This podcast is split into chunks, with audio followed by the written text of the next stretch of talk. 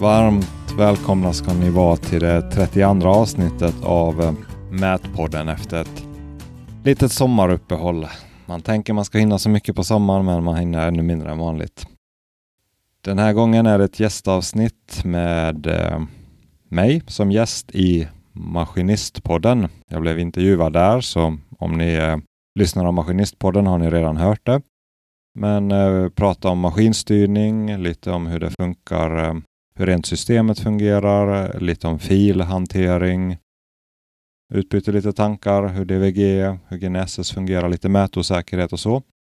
Så det är Anna och Alvin som kommer intervjua och vi gjorde det över telefon där då. Sen kommer Alvin komma med på ett avsnitt här framöver också, där jag intervjuar honom då.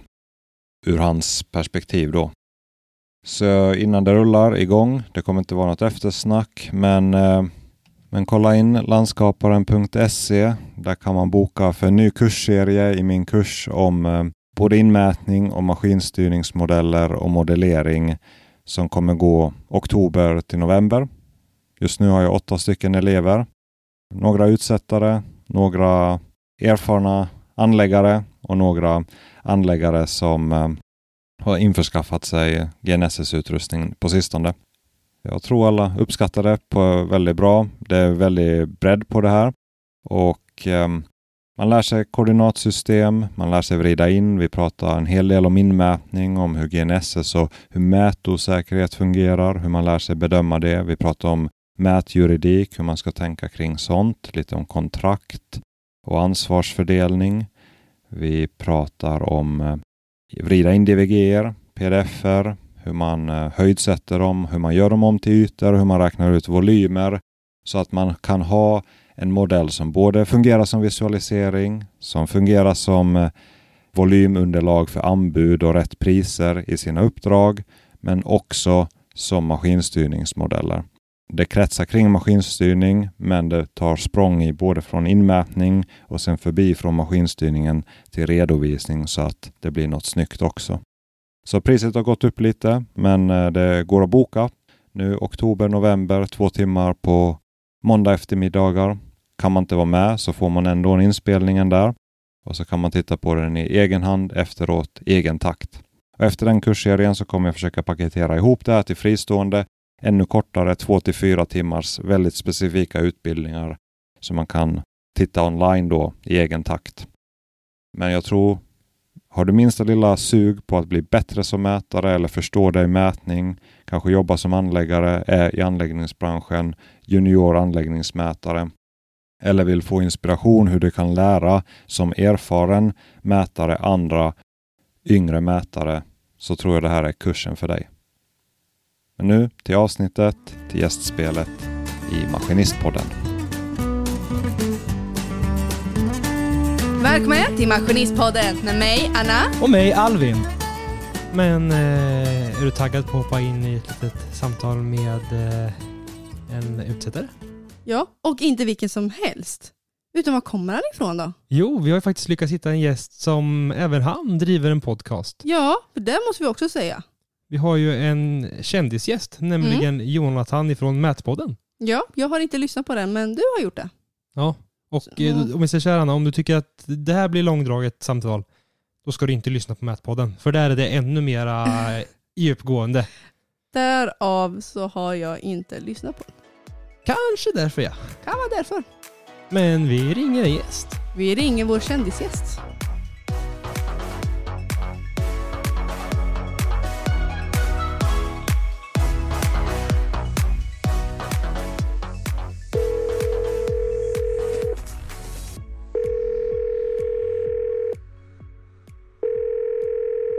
Ja, det är Jonathan.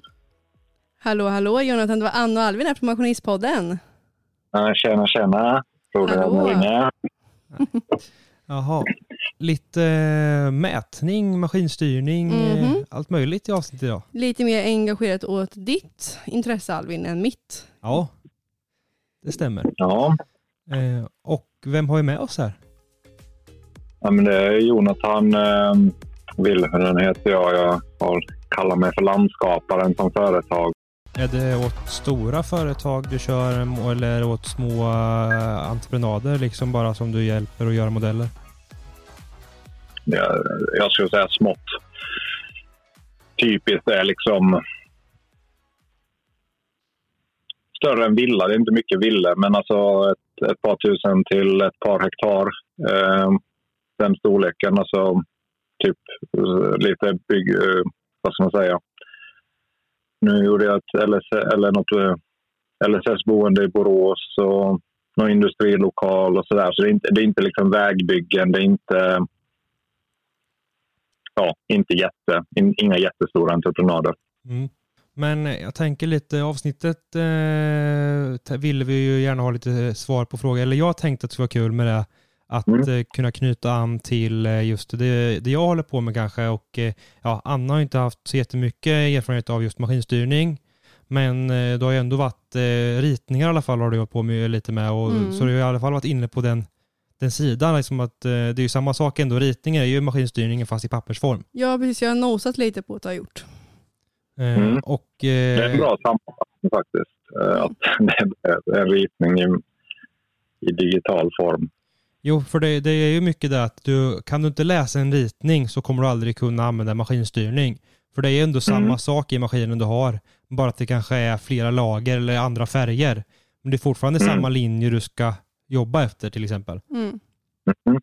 Och eh, jag har ju själv fått möjligheten och eh, turen att utvecklas inom just mätning och eh, få jobba lite med CAD-program och det också och eh, inmätning med GNSS-stav och det.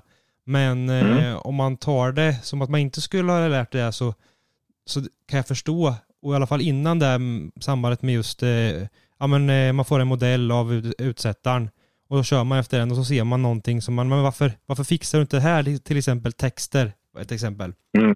Jättevanligt att man får en ritning, en eh, DVG konverterad till DXF och sen eh, invriden och skickad till sig.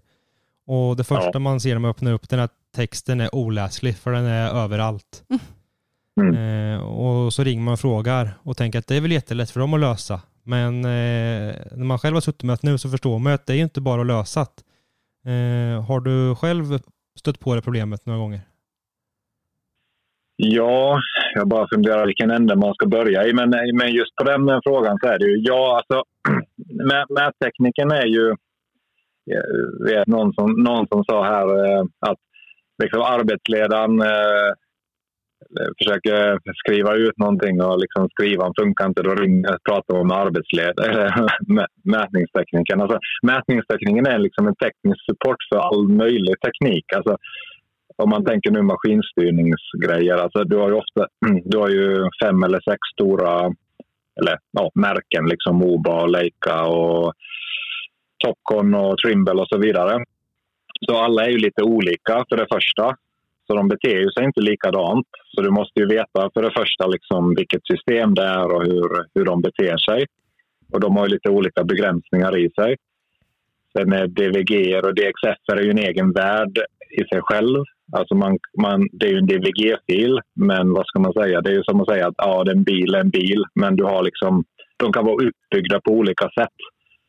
Eh, du, du, har liksom olika lagerstrukturer och beroende på vem som har projat dem, hur, hur lätt eller svårtolkat de har gjort det och så vidare. Så att eh, i vissa, vissa system kan man ju släcka, alltså en DVG-fil har ju olika lager kan man ju säga. Det är liksom inbyggt i formatet och då kan man ju släcka och tända de här lagren. Ofta är ju texterna då på ett textlager. Men eh, ibland så, nu kommer jag inte ihåg exakt vilka, vilka system som är hur, hur, men i vissa maskinstyrningssystem så kan man bara släcka hela filen och i vissa så kan man styra liksom per lager.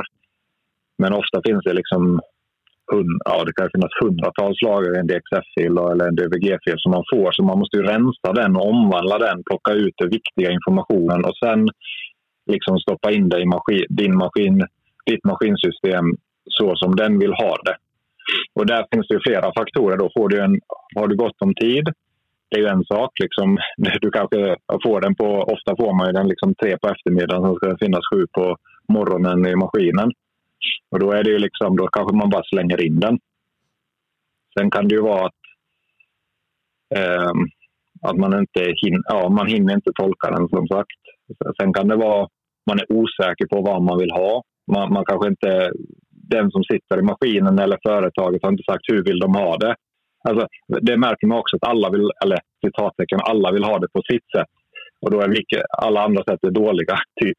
Så att det, det, det, är rätt så många steg som man måste göra liksom rätt och kommunicera kring för att det ska bli bra i din ände. Då. Det är väl det korta svaret. Att det är inte så enkelt som det låter bara. Det är inte bara att ta en DVG. Och, så, så jag vet inte, flera tycker om att separera det till olika filer.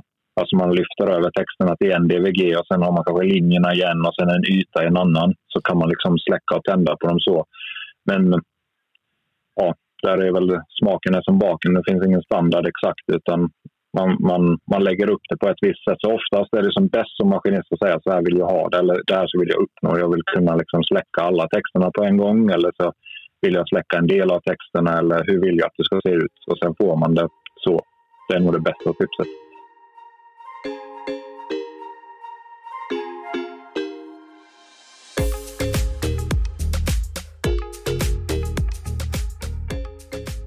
Men, men alltså jag bara tänker Anna där maskinstyrning om man tar det från liksom mer från ett basic. Eh, jag vet inte om jag ska beskriva det liksom mer grundläggande. Mm. Alltså man tänker tror, liksom systemet som sånt. Alltså man, man får ju man har ju två puckar på, oftast då på maskinen och det är ju liksom GPS-mottagarna och de tar emot de här satellitsignalerna. Ja, och där, där, kan man säga att där, där får man ju positionen till sin maskin och sen måste du överföra den till din skogspets. Så att det, där är ju två olika delar då. Att man måste tänka att, att man har en GPS-osäkerhet eller en inbyggd osäkerhet. Alltså, din GPS-tolerans fram till maskinen och sen ska du föra över den då via hydrauliken eh, egentligen, eller via vinkelmätare fram, fram till din skopspets. Och där finns en annan. Där finns ju också en liten osäkerhet. Då. Så att det är en sån aspekt att ha med sig och sen samlar ju burken ihop det. Och det man har i burken, det får man nog alltid tänka att det är liksom ett, ett filter eller ett urval av av all information som finns i projektet. Eh, alltså, och det, det, det, är väl det jag tror som... Alltså som utsättare får man ju den här frågan. Eh, kan du sätta ut X eller kan jag få det? Och, man, man, man, man går till en arbetsplats och så, säger, alltså har de sagt att ja, vi ska sätta ut VA. Så har man med sig sina VA-filer plockat ut från ritning och så vidare. Och så säger han ja, men du kan väl sätta ut hisschakten ändå, när du ändå håller på. Ja, men det sa du inget om. Ja, men du har väl allting där i burken? Ja, nej, det har jag inte. Liksom, ofta förväntar, förväntas man kunna sätta ut allting. Men det man har är ju att man får ju ritningar och sen filtrerar man ut den informationen som man är ute efter. Och så lägger man in det i sin handdator eller sin, sitt system. Och så, det är ju det man kan sätta ut. Man måste ha en linje liksom i sin maskin och trycka på den. Och det är det som och det är väl det som är i, även i maskinstyrningen. Att ofta den, du kan inte ha he, oftast hela byggnaden då i, eller liksom alla element i maskinstyrningen utan man väljer en terrass eller en överyta av makadam eller en vattengång eller så vidare. Och, så, så det gäller liksom att, igen handlar det om kommunikation och säga vad, vad behöver jag ha i, för mitt jobb och så är det utsättaren som liksom tolkar all information så att du har den relevanta informationen i maskinen. Mm. Och det är där oftast där frustrationen uppstår när man inte har gjort det. Man, man tänker lite olika.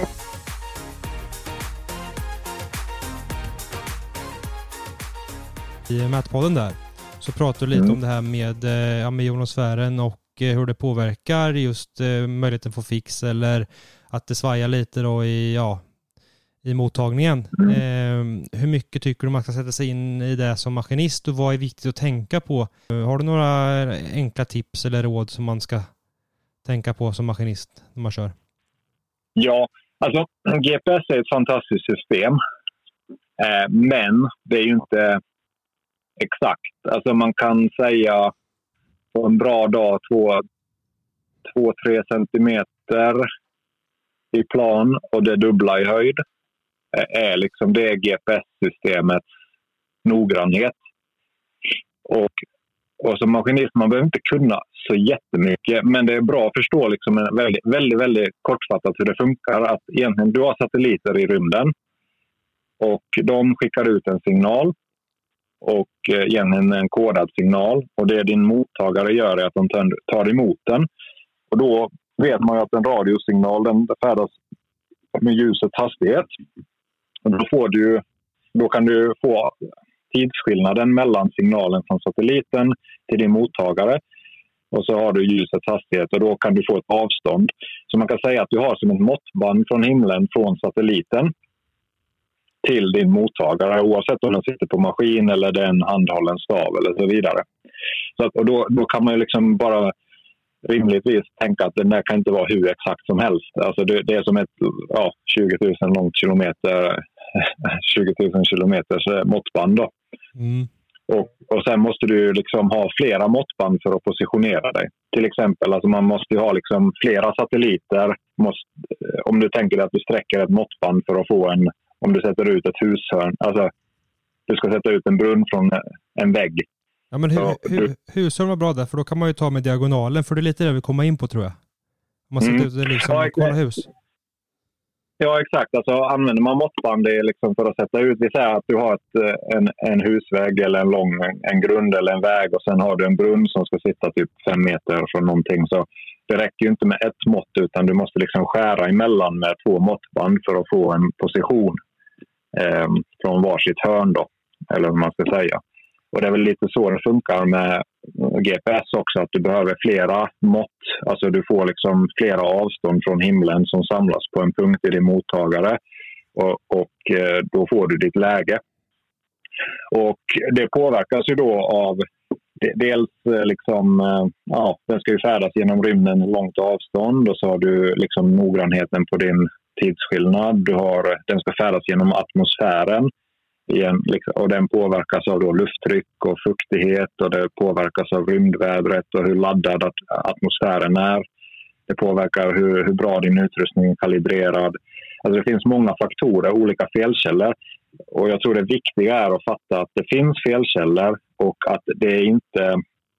Det är ungefär som när du sätter ut, alltså om du använder ett måttband så har du ett biltema klass 3-måttband. Alltså bara för att det säger 100 meter så är det inte nödvändigtvis 100 meter. Spänner du i tråden så blir det liksom 99,8 meter och eh, slackar du på den så blir det 100,2 meter. Så att, och det är lite, lite så det är med en GPS också. Att det, det, är liksom, det är ett fantastiskt verktyg men det finns lite eh, sladder inbyggt i systemet och du kan liksom inte utesluta all, all all, alla felkällor. Så därför har du en osäkerhet inbyggd. Så även om du sätter din skopa idag på ett ställe och så säger den att ja, noll, noll till teoretiskt. Och sen sätter du in på eftermiddagen och håller på samma ställe så säger den två, två schakt och sen nästa morgon säger den två fyll. Men i verkligheten så har inte punkten förändrats. Det är bara att mätningens är lite onoggrann då. Eller du har en osäkerhet i din mätning. Så att man kan inte förvänta sig att systemet är bättre än typ 5 cm i höjd. Även om man, en, en säljare lovar det eller tycker det. Så det är väl det viktiga att tänka. Och sen, sen alltså, som du sa med fix och rymdväder. Del, dels att fatta att det kommer från rymden. Alltså, kör du in under ett tak så tappar du din fix. Alltså, du, du, du måste se himlen. Och du ska helst se himlen så, så stor del av himlen som möjligt. Står du bredvid en byggnad så är ju halva, halva himlen åtminstone täckt för att byggnaden skär av allting på byggnadssidan. Och i en stad så kan du ju ha liksom byggnader på alla håll. Och då får du väldigt liten sikt i himlen.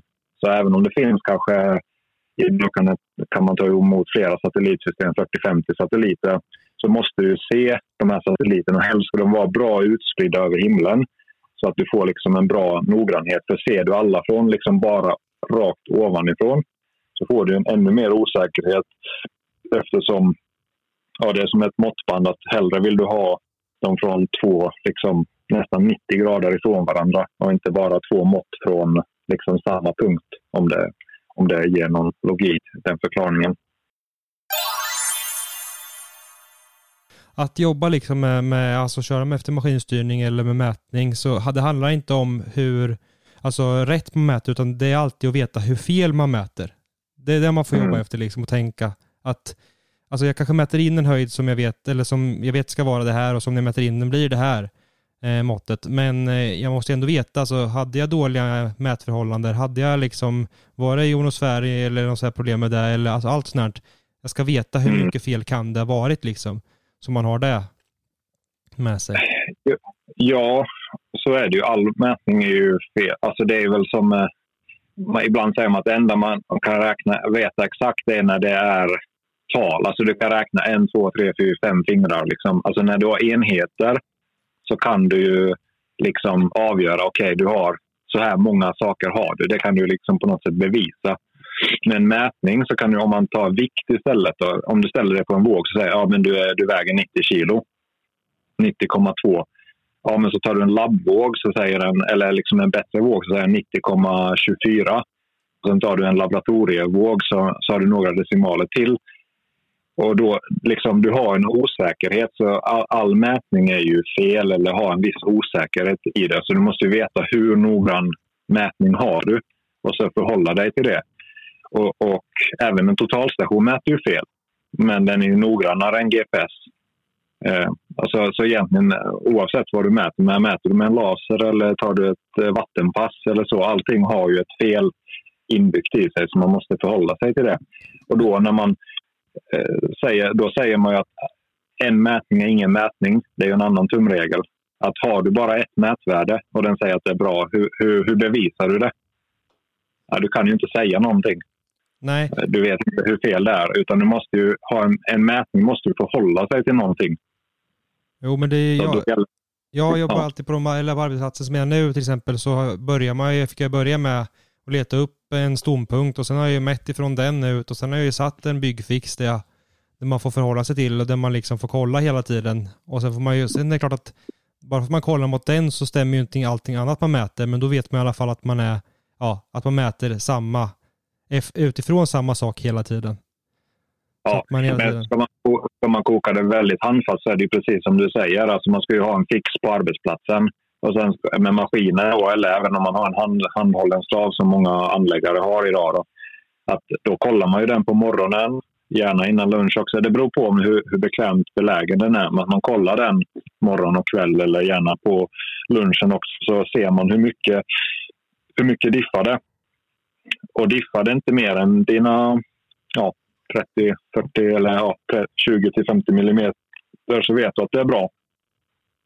Och då, då kan du liksom då är din mätning okej. Men det utesluter ju de här grova felen. Till exempel, du skulle kunna ha ett rymdvärde som ställer till det. Du skulle kunna ha ställt in fel inställningar, alltså typ fel koordinatsystem. Du skulle kunna ha råkat knappa in fel stånghöjd eller offset eller något liknande. Så att om man har någonting att kolla bara och liksom så vet man ju okej, men det är bra och då kan man ju fortsätta. Då kan man ju lita på liksom, de mätvärden man får.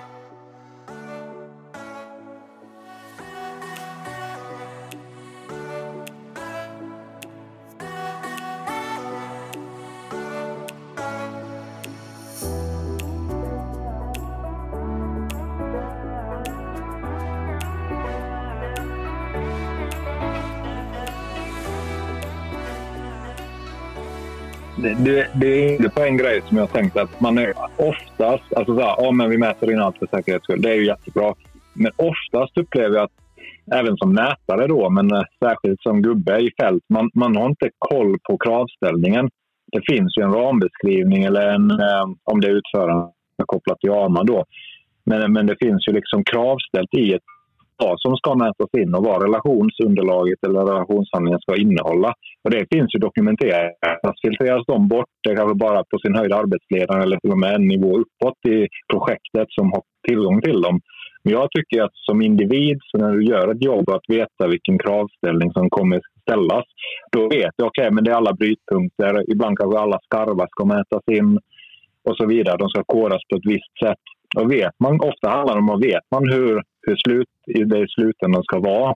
ja. Då gör man det så. Men oftast är det att man vet inte. Då gör man ju bara som man brukar eller som man tror. Och i det här fallet så jag, jag förstår vad du menar och i det här fallet så är det tyvärr så att vi har lite problem med kunder för kunder ändrar sig så ofta att de, Mm. de, de vet inte vad de själva vill ha. Så i slutändan så sitter man där och så säger de ja men det här också då. Ja men det sa ni ingenting om förut. Nej men det kom vi på nu att vi ville ha. Så Ja, att, men då är det ju... så vi, har vi har kommit till den nivån att, att vi, vi mäter in allting för säkerhets skull för att liksom, Ja. sen om inte de vill ha det, då, Och Och så, så är det ju. Alltså, grejen är, det är ju också så när jag har pratat om det i något avsnitt. Alltså, tänk bara foton. Alla, alla har en telefon i fickan. Alla har haft det i 15 år, 20 år snart. Liksom. Ändå tar man inte bilder. Liksom, anlägg, anläggningsfolk, liksom, vi tar inte bilder som bransch.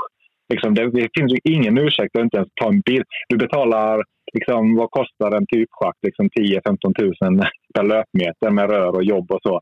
Och så orkar man inte ens ta en bild. Det finns mer bilder på, byggjobb liksom från 90-talet med systemkameror än från sista 15 åren. Ja. Och- eller, att, att bara det här tänket att man dokumenterar. Alltså, man lägger ner jättemycket jobb för att göra det. Men mät in det då, ta en bild. Liksom, allting borde ju, allt som döljs under backen borde ju vara inmätt och bildtaget.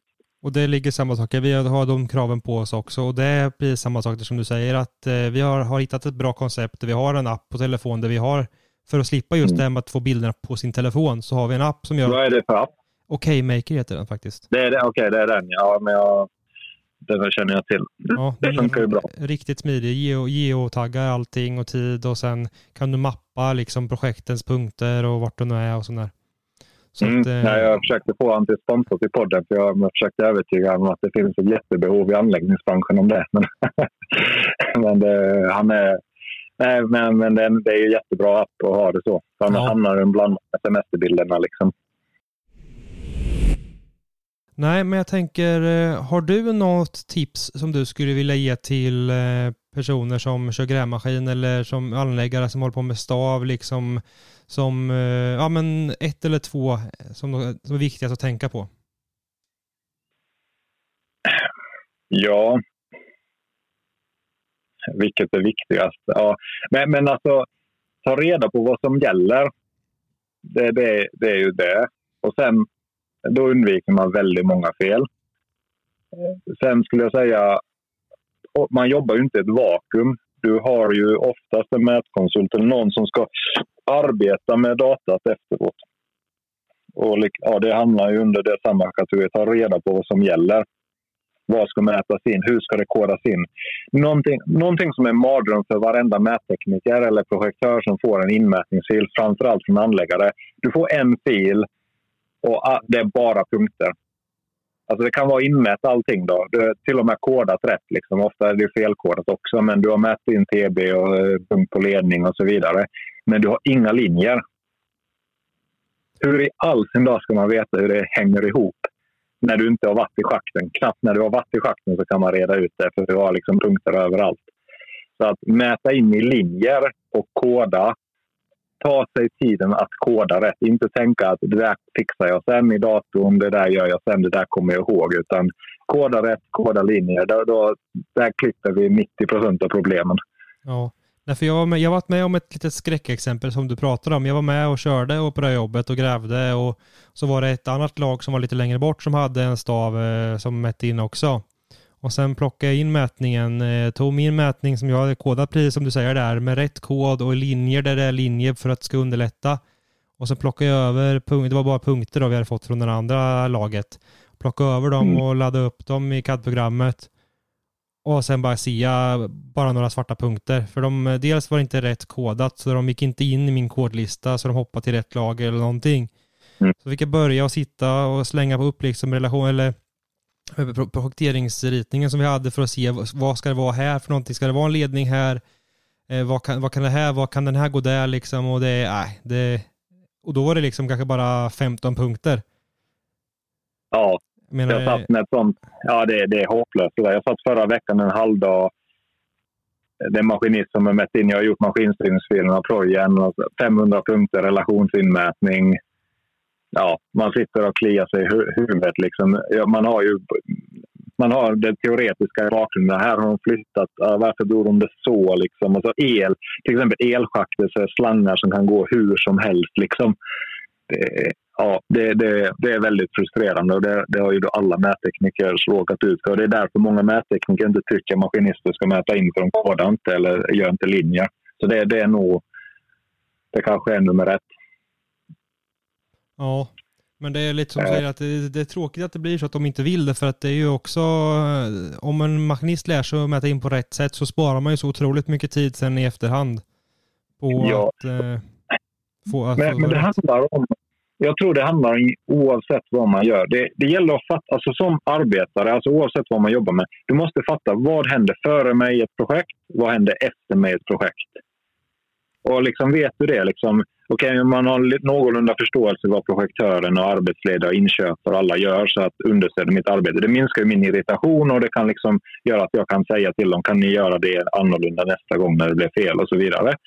Men även efteråt, man tycker jättebra, jag bygger färdigt här. Och så, men så tänker man inte för förvaltaren. Alltså man, ibland säger man att byggkostnaden är en tiondel av byggnadens eller byggprojektets totalkostnad över livslängden. Man bara bygger, vi lägger, igen, vi lägger igen allt och det är jättebra allting. Och vattnet rinner, jo, jo, det är rätt kopplat allting och så vidare. Ja, men om 15 år eller 10 år, ja, 15-20 år när det börjar bli dags för liksom runda två finns inga relationshandlingar, finns, liksom, finns inget underlag. Då börjar det kosta jättemycket pengar. Den feedbacken får man ju aldrig som maskinist. Nej, och Även då, om man, liksom, så att bara förstå vad, vad, varför ska man ha relationsunderlag? Hur, hur arbetar förvaltaren lite med filer? Alltså, man behöver inte förstå det i detalj, men bara att ge dem det materialet de vill ha. Fråga ibland vad, vad vill ni faktiskt ha? Hur gick det på förra projektet? Var det rätt eller var det fel? Bara det liksom gör ju en stor skillnad. men eh, jag tänker att vi, eh, vi har pratat på rätt så mycket och eh, vi hoppar vidare till ett annat segment här i podden. Ja, visst. Aj fan, det gick inte som planerat. Ja. Mm. En liten olyckshändelse som inte riktigt gick som planerat. Jag kommer ihåg en, en mer praktisk fel var, eh, som jag själv eh, gjorde då med utsättning var att eh, jag har gjort det två gånger som och bägge sa, sakerna har kostat lite men det är att man misstar utsida kantelement på en grund, alltså ett eh, kantstöd som tångkant. Alltså på en linje, ofta har du om på en villagrund har du till exempel 10 cm isolering till, eh, till själva betongkantbalken. Mm. Och den är inte alltid li, li, jättetydlig på en ritning. Vissa konstruktörer ritar alltid betongmått och vissa tar med L-elementet och så vidare. Så det, det var när jag var väldigt ny som utsättare så gjorde jag den två, två gånger på ett halvår. Det, det var lagom roligt när de har gjutit kantbalken och, Ja. och så kommer man på att den är 10 centimeter för långt ut. Så det kostar att bila och, och fixa om. Det, ja. Ingen kul. det är ingen kul, men det... Jag vet inte, som utsättare, alltså jag, vi pratade om vad vi skulle prata om lite, alltså det leder lite in på det där, hur är det att vara utsättare? Och det där, fel, fel är någonting man liksom... Felen måste man lära sig leva med och hantera. Alltså framförallt ha system där man ska felen som, så tidigt som möjligt.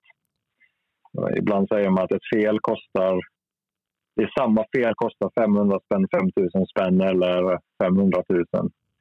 Det är, liksom, det är bara hur tidigt du upptäcker. Liksom, kommer du på i din egen kontroll att nu satte jag ut fel, då är det liksom en halvtimme, timme som du får sätta om grejer. Men det är, liksom, det är bara det kostar lite mer tid. Kommer de på det, ringer de dagen senare så får vi ställa in någonting och hoppa dit. Och, ja, då kanske det kostar 5000 spänn och sen, sen har man gjutit det så då blir det dyrt. Så att det är samma, samma fel, men det gäller liksom att upptäcka felet så tidigt som möjligt. För jag vet vissa utsätt, alltså jag har några utsättare, de har ju slutat i branschen för att de tål inte det där. Alltså det, det, är, det är stressigt. Alltså så blir du, har du gjort fel, det är väldigt svårt att få tillbaka förtroendet på en arbetsplats. Liksom. Det är nästan omöjligt. Eh, Det känns liksom nästan tappar. lite som att, eh, fast inte riktigt, men lite som att du gräver av en kabel. Att eh, ja, men en liten belysningskabel, ja men inte hela världen. Det kan vara en liten Mm. utsättning som du rättar själv och sen om du gräver av en stora vattenledningen till hela stan, ja men då, då är det som att du har, de har gjutit plattan helt fel liksom. ja, Om man det kan jämför med köra maskin. ja. Det kan man ju likna det med. Det, Men den, den är, nej, det är jobbigt att sätta ut fel eller vrida in grejer. Och det, det är en sån sak som invridning är ju ofta då liksom, där ska man ju dokumentera hur man gör och där tar man ju på sig hela bygget. Blir det fel där så blir ju allting fel sen. men eh, jag tänker på, vi ska börja runda av lite. Mätare, vill vi ha in fler i branschen? Det är väl ett skriande behov av dem, så ja. Och eh, om man vill bli mätare, det finns ju olika sätt. Det finns ju YH-skolorna. Det är ju ett bra sätt om man vill ha en gedigen grund och få ett jobb på. Men jag tror den, den, många kommer in på mätning precis som jag har gjort och jättemånga i branschen är att Alltså man kan komma in från mätning från två håll. Du kan ju lära dig teorin och sen lär du dig praktiken. Alltså du lär dig som om du går högskola i Gävle, liksom mätningsteknik eller mätningsingenjör. Då lär dig du allting om mätning. Men sen kommer du ut på din arbetsplats och så vad är en schaktbotten, vad är terrass, vad är, ja, vad är alla förkortningar? Vad, liksom, ja. Du vet inte hur du sätter, hur sätter du ut en kantsten, hur, hur bygger man det? Så då måste du lära dig det språket. Eller så gör du, alltså är du anläggare, maskinist. Du vet hur du bygger, du har gjort det, du har erfarenheten. Då börjar du lära dig tekniken. Hur funkar en GPS? Hur funkar en totalstation? Hur funkar programmen? Och jag tror det kan man, hur man bygger det så är steget mindre, skulle jag påstå, att bli en duktig anläggningsutsättare än tvärtom. För, för utsättning handlar inte bara om att sätta ut ett kryss utan det handlar om att sätta ut krysset på rätt ställe, kommunicera det till alla, eh, göra det förståeligt för de som ska använda sig av krysset och så vidare. Så det handlar om att kunna sköta ett snack på en arbetsplats, kunna kommunicera med alla som ska använda sig av det, veta hur det ska sättas ut. Så, så är man nyfiken på det så jag, jag tänker idag, det finns ingen ursäkt som man, liksom det är så billigt. Köp en GPS av och lär dig den. Läs någon utbildning eller en liten kortare kurs. Liksom eh, var nyfiken, testa själv, fråga. Och sen alltså, an, liksom utsättarföretagen, konsulterna, de behöver ju folk som kan eh, den biten, alltså anläggningsbiten. Då. Så kan man ju antingen så börjar man som junior, alltså att man lär sig själv mer av tekniken sen på ett sånt företag. Men jag tror på egen hand kan man lära sig väldigt, väldigt mycket idag. Mm. Ja, men eh, kalas. Ja, Jag, jag har lärt mig, eller, eller, lärt mig mer och jag tyckte det var jätteintressant. Anna har suttit och eh, nickat och eh, kommer, kommer fråga mig tusen saker sen i efterhand.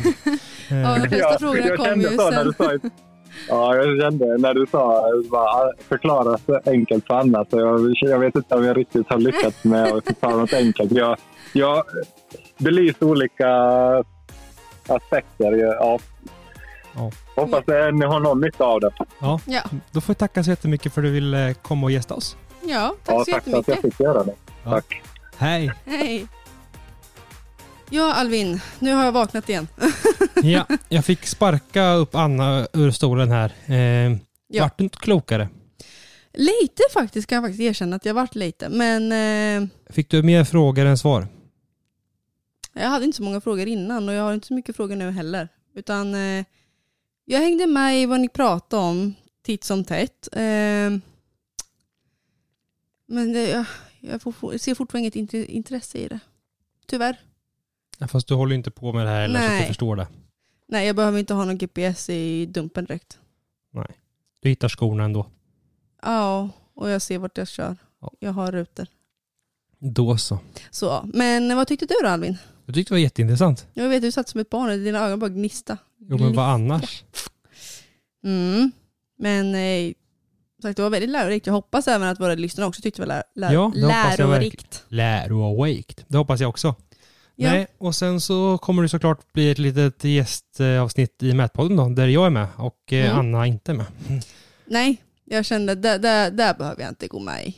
Det, det är mer din sak. Så tyckte ni att det här avsnittet var intressant så ska ni absolut hoppa över till Mätpodden. Finns Mm. också på Spotify där vi finns. Mm. Eh, Och eh, checka in deras avsnitt. De har väldigt många. Eh, De flesta är väl mera liksom åt mäthållet och utsättare och sånt där liksom. Men det självklart finns några avsnitt där man pratar om just maskinstyrning och de olika märkena och sånt där. Mm. Så det tycker jag. Ja, men det tycker jag verkligen.